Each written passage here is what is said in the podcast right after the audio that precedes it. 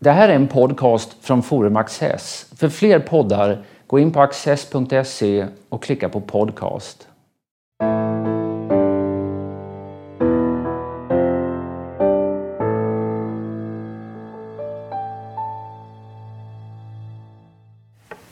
Välkomna till Studio Access. Idag ska vi prata säkerhet och säkerhetspolitik. Och min gäst är Johan Victorin, VD i underrättelseföretaget Breakthrough och med bakgrund i militära underrättelsetjänsten. Varmt välkommen Tack så mycket. Du har varit gäst här tidigare och då eh, tror jag jag öppnade med frågan vad gör Ryssland i Ukraina? Nu frågar jag vad gör Ryssland i Syrien? ja, det är många saker man gör. Man var ju naturligtvis orolig för att regimen skulle falla. Det hade skett ganska stora förändringar de månaderna som var på våren och sommaren. här.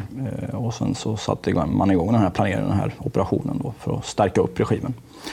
Eh, men det finns ju massa andra intressen också. Man har ju intressen av att ha en flottbas så att säga säkrad i Medelhavet. Det finns stora energifyndigheter i östra Medelhavet som man vill få ett inflytande över. Eh, man vill pressa Turkiet att avbryta sitt stöd och istället då sätta stopp för den eh, pipeline som är designad för att gå mellan Qatar och eh, eh, Turkiet genom syriskt territorium.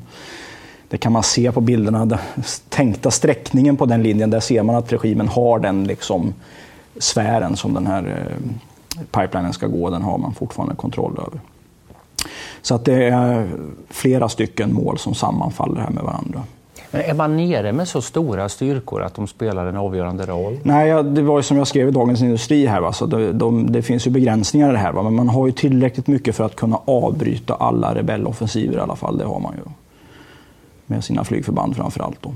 Hur många plan har de där nere? Oj, alltså, 30-tal. Okay. Så det är en försvarlig eldkraft? Ja, det är väl halva svenska flygvapnet ungefär. Då, ja. Finns det korta, tydliga mål med den här närvaron tror du? Eller är de där nere varaktigt? Ja, de är ju där eh, varaktigt definitivt. För sen har du det som ligger bortom då, det är ju att etablera sig i Mellanöstern som en, en eh, spelare att, som man måste alltid ta hänsyn till. Och här kan man dessutom då tänka sig möjligheter att göra affärer både i energi, när det gäller kärnkraft, eh, pipelines och vapenförsäljning. Mm. Så vi ser ju också ett ryskt närmare till Egypten bland annat. Man pratar ibland om det här att, att NATO-länderna och USA naturligtvis framför allt då står för en så väldigt mycket större del av de samlade militärutgifterna i världen än vad, än vad Ryssland gör. Och man säger att ja, det visar att Ryssland inte kan ställa till med så mycket. Mm. Men pengar är en sak och resurser är en sak, men viljan att använda dem Mm, det, ja, det, är också en viktig faktor. Är, är det det man är angelägen om att demonstrera? Mm, ja, precis, va? Vi, vi tappar ju ofta bort det. Vi blir ju så teknokratiska och teknikblinda. Alltså, alla konflikter avgörs till syvende och sist av viljan. Först och främst. Det är bara att titta på talibanerna som fortfarande hänger i så att säga i Afghanistan. Mm. De är ju ruggigt underlägsna materiellt sett. Eh, dessutom är det ju faktiskt så här att om man tittar på vad man får då för en rubel eller för en dollar så eh, får du ju mycket mer personal för en rubel än för en dollar. Så det är ju inte helt jämförbart egentligen de där siffrorna. Dessutom är de amerikanska försvarsutgifterna utspridda egentligen över hela världen. Alltså man har halva sin, eh, sin krigsmakt egentligen är, är ju positionerad för Stilla havet egentligen. Det är klart man kommer ner i en konflikt, som, en, en hård konflikt som pågår i ett grannland till Nato. Eh, Turkiet är ju NATO-medlem. hur ser man, tror du, från ryskt håll på risken för att det ska bli direkt konfrontation mellan eh, NATO-styrkor och, och rysk trupp? Avsiktligt eller eh, oavsiktligt? Ja, det är en faktor som de naturligtvis måste ta hänsyn till. Men eh, i och med att det är de som agerar så kontrollerar de ju också detta eh, på, på ett bättre sätt också. Alltså skulle det hända någonting kan de snabbt backa ner och liksom försäkra alla om att det här var ett misstag. Eller, och, och så vidare. Va? Jag tror inte man söker den här direkta konfrontationen än. Hur tror du amerikanarna ser på den här närvaron? Ja, de är mycket bekymrade över detta, alltså. Eh, helt klart. Därför att man proppar upp Assad eller därför att den egna auktoriteten blir underminerad? Eller? Ja, det är egentligen både, och. Både och ja. Eh, man tappar inflytande i Mellanöstern helt enkelt därför att perceptionen i den regionen är mer och mer att USA och Europa är på dekis. Ja, den här röda linjen som Obama drog upp och sen fick den överskridas utan att det hände någonting. Det är liksom vad USA erbjuder och sen erbjuder Ryssland närvaro och man sätter saker och ting på spel. Just det. det är ett sätt att stärka sin ställning ja. i, bland tänkbara allierade också. Mm. Mm. Va, finns det en, eh, vad ska man säga, en, eh, en logik här som gör att närvaron i Syrien hänger ihop med vad man gör i Ukraina? Ja, det gör det faktiskt. Jag satt precis och tänkte på det. Eh, alltså, de här kommer ju... Inbördeskriget i Syrien pågick ju nämligen och Assad-regimen var ju ganska illa ute redan 2012. Men de här sakerna hänger ihop i den meningen att de kan inte inträffa i, i det här förloppet utan först måste man bli klar med Ukraina och få det man behöver där. Annars kan man inte genomföra det här med Syrien. Va? Så man gör ju det här med stöd bland annat. Var, varför, varför inte? Nej, men alltså det, man, har en, en, man har proppat upp då, eh, Krimhalvön med militära förband. Eh, och man har så att säga säkrat Svarta havet där det också finns energifyndigheter. Mm. Eh, I östra Ukraina finns det en stor industripotential, även om den kanske inte är så jätteeffektiv. Men potentialen finns. Det finns fantastisk jordbruksmark. Eh, och alla de här sakerna vill man säkra först innan man kan ta klivet ut i Syrien sist vi talades vid, eh, då var det verkligen på allas läppar. Liksom det, och, medierna var, eh, fylldes av rapportering från mm. Ukraina. Och, eh, sen dess har det skett andra dramatiska saker, inte minst den här stora flyktingkrisen som nu är i mm. fokus. Mm. hur är läget i Ukraina idag? Ja, just nu är det ganska tyst, men frågan är vad så att säga, tystnaden förebådar egentligen. Men, men är, det tyst, är det tyst därför att det verkligen är någorlunda lugnt på marken eller bara för att vår uppmärksamhet är riktad åt andra? Ja, det är väl eh, lugnare på marken, eh, även om det fortfarande dör eh, då och då ukrainska soldater och rebeller i det här och kanske också ryska soldater. Men, men så det är klart att det finns en substans där, men frågan är om man liksom säga byter tempo ett tag för att få liksom uppmärksamheten just mot någonting annat. Mm. Därför man har ju fortfarande sina trupper där. Va? Man har liksom fortfarande handlingsfrihet att när man så önskar egentligen fortsätta vidare om man vill. Va? Så att, eh, vi har nog inte sett slutet på det här. Man kan se det som en kedja av liksom etablerade fait accompli. Mm. Man, man, ja, Krim och sen, ja, och sen har man det här åtagandet eller ingreppet eller invasionen eller vad man nu vill kalla det i Ukraina. Mm. Och när intresset flyttar över till Syrien då blir det liksom som ett accepterat fullbordat mm. faktum mm. Att, man, att man är där. Det är ingen som är så ja, ingen och ingen, men det, det, liksom, det, står inte överst på den internationella agendan längre. Mm. Även om man skruvar upp sanktionerna en del va, eh, ifrån väst. Vad tror du det är? Liksom, får, får det några konsekvenser? Nej, inte några större konsekvenser. Man är liksom beredd att ta det priset. Vad gör man i Baltikum, eller visavi Baltikum från ryskt håll? Ja, man fortsätter väl att eh, utöva påtryckningar. Det handlar ju om att eh, underminera till, alltså tilltron till de baltiska staternas fortsatta existens och därmed dra bort kapital eh, från dem. Man eh, pressar Litauen för att inte göra en diversifiering av energin, eh, Litauens energiberoende.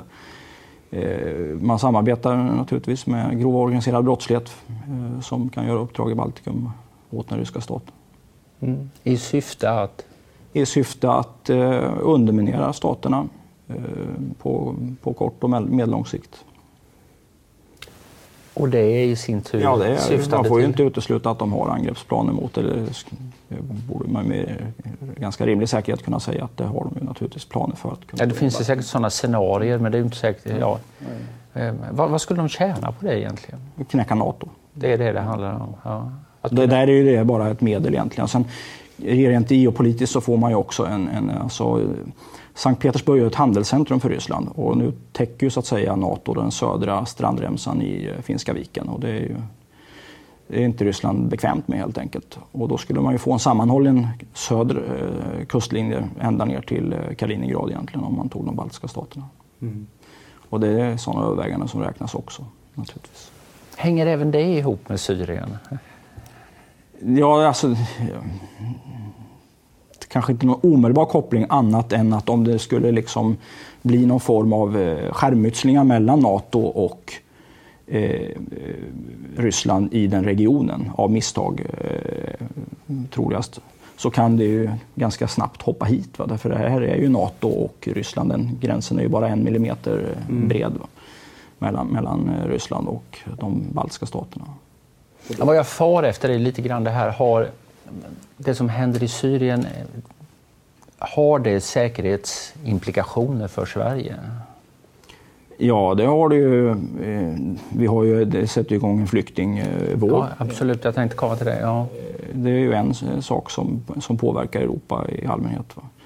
Ehm, och sen har det ju också det att man då har valt sida egentligen i den där konflikten i Syrien. Va? Det vill säga vi, västvärlden står då så att säga mot Assad och, och, och Ryssland och Iran tar ställning för Assad. Och det är klart att det kommer också få komplikationer. Det accentuerar så att säga, det här att man har olika intressen. Mm. Alltså, Iran är ju upptagna med att etablera liksom ett, ett, grepp över regionen. Man brukar prata om den Shia-halvmånen som sträcker sig liksom in över Irak, eh, in i Syrien och sen in till Libanon. Alltså man har en fot in i Medelhavet också.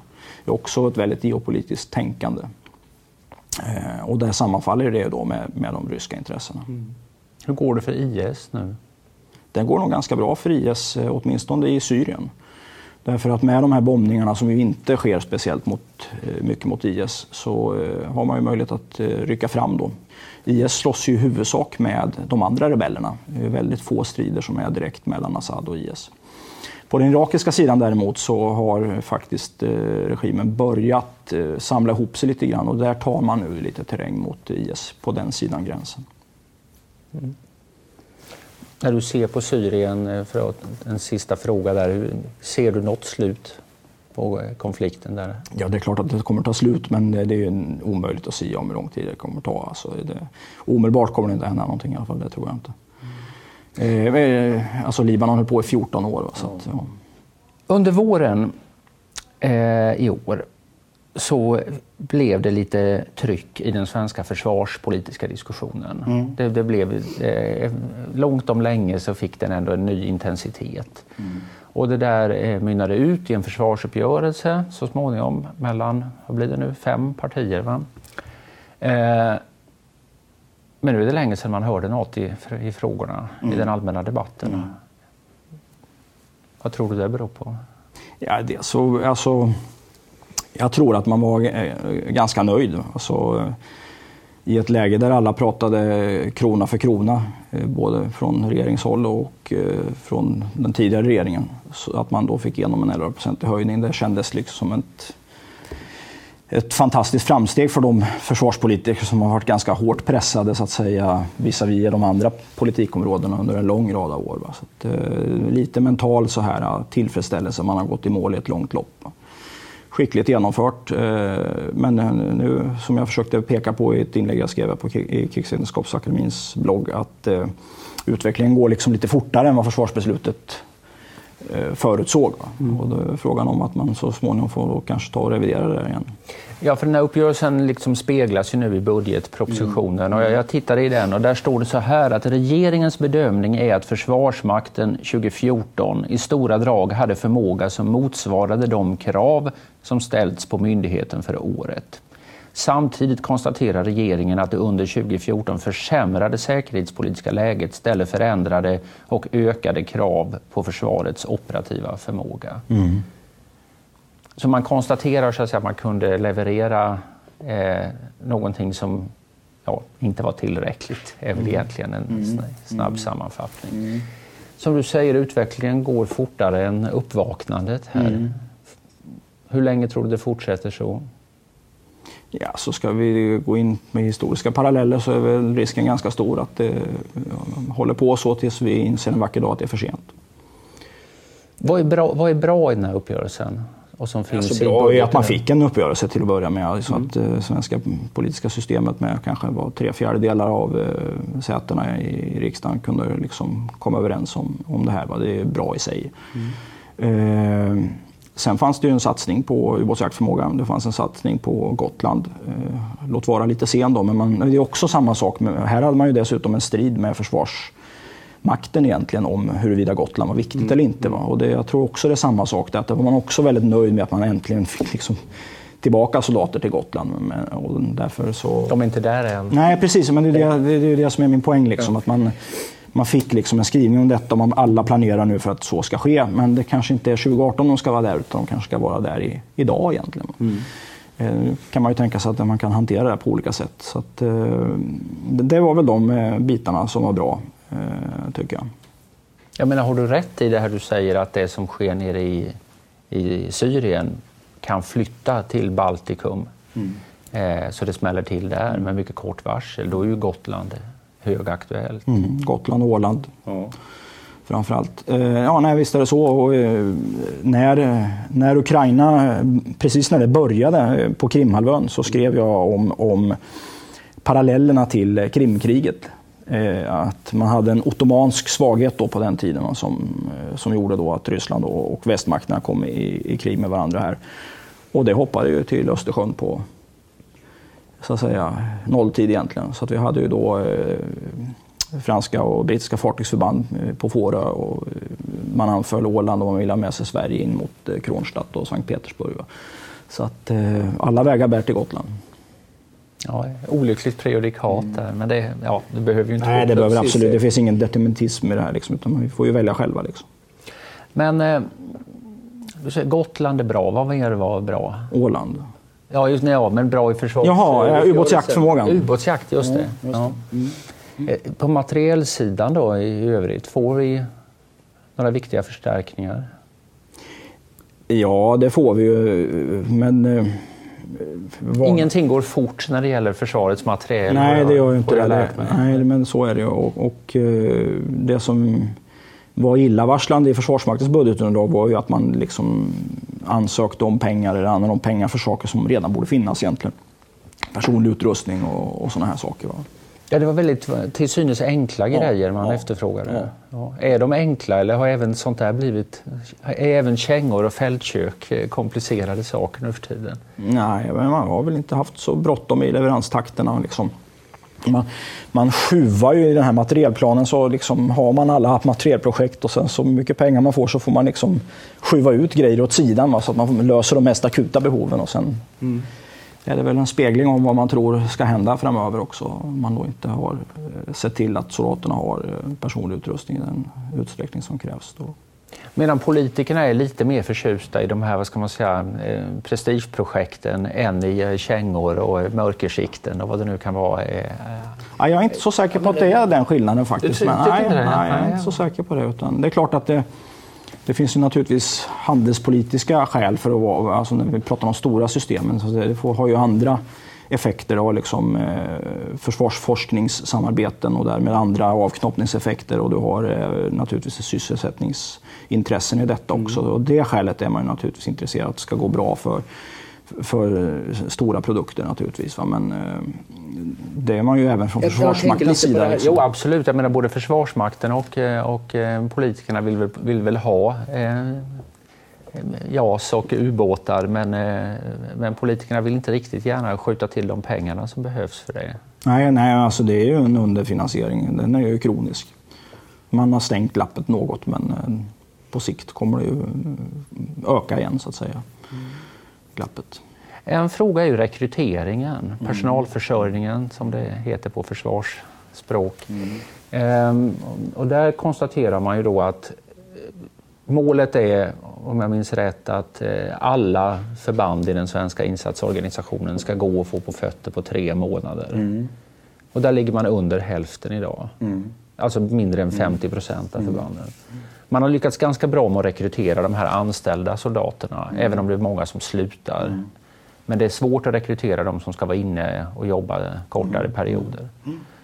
Ändå minskar antalet grundutbildade. Mm. Hur, hur, hänger de här ekvationerna ihop? Ja, därför att systemet är inte dimensionerat för... För det är många som söker. Det, var, det är ja, bortom 30 000 som söker men mm. så utbildar man bara några, styck, några tusen av dem. Mm.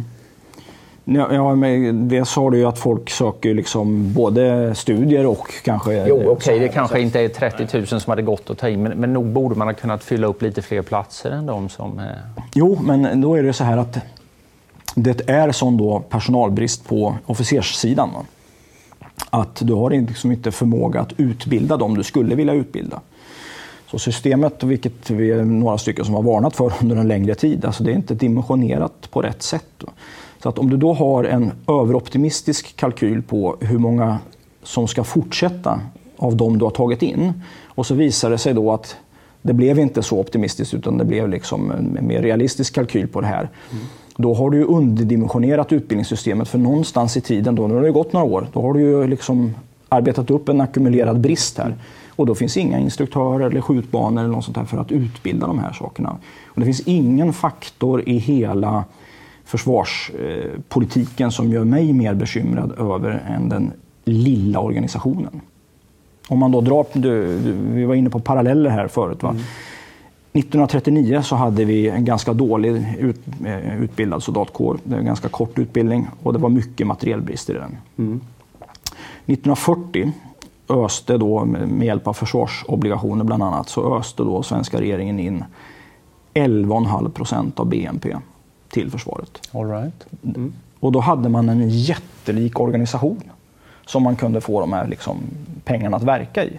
Men skulle vi göra motsvarande sak, det skulle knappt hända någonting. För det finns liksom ingenting att expandera med.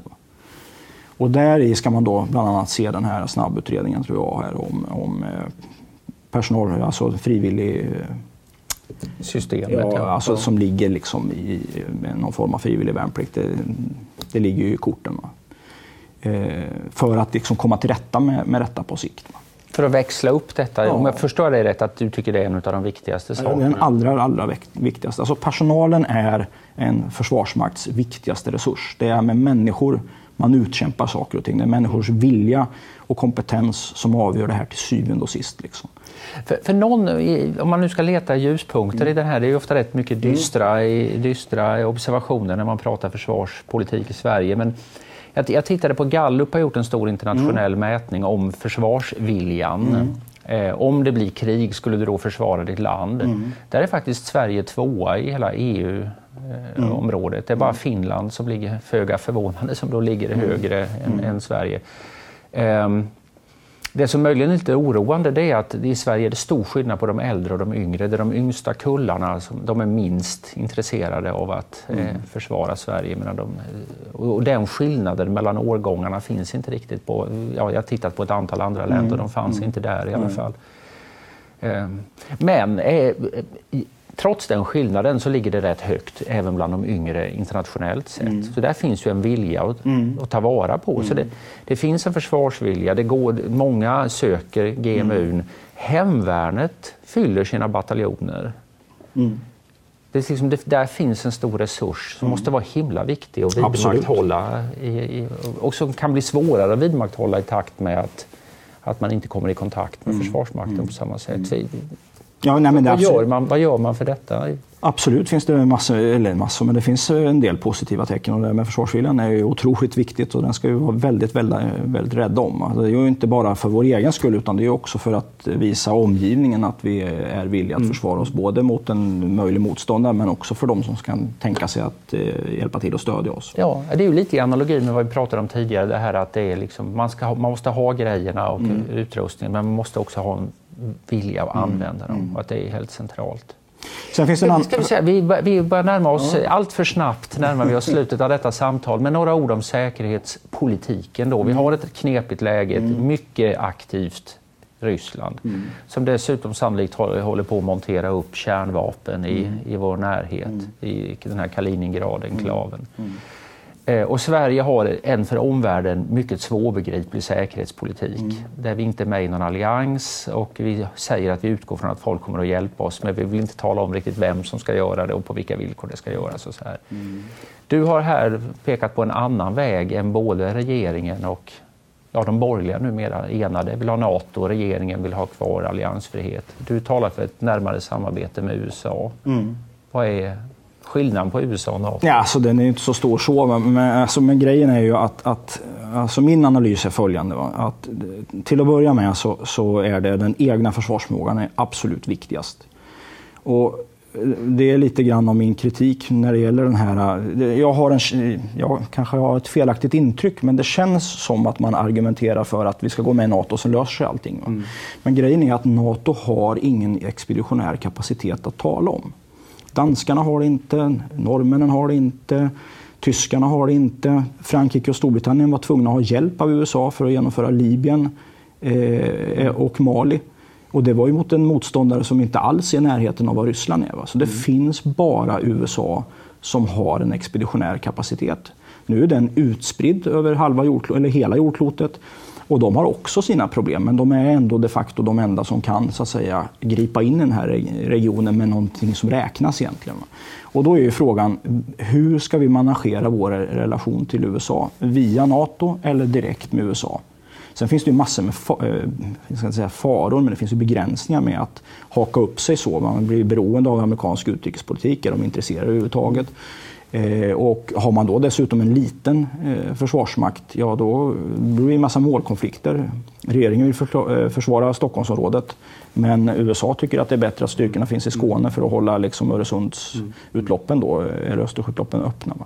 Så att, eh, och då kokar allting tillbaka till att man måste ha en egen försvarsförmåga. För även om man nu hakar upp sig på USA eller NATO, som då egentligen i realiteten är USA, mm då måste vi ha något att bidra Ja, men det, tar, det är inte som en Hollywoodfilm. Det tar tre veckor innan de trupperna är här och då måste man stå ut den tiden. Apropå tid, så är vår ute för denna gång ska jag säga. Stort tack Johan Victorin. Tack. Och tack för att ni har varit med oss.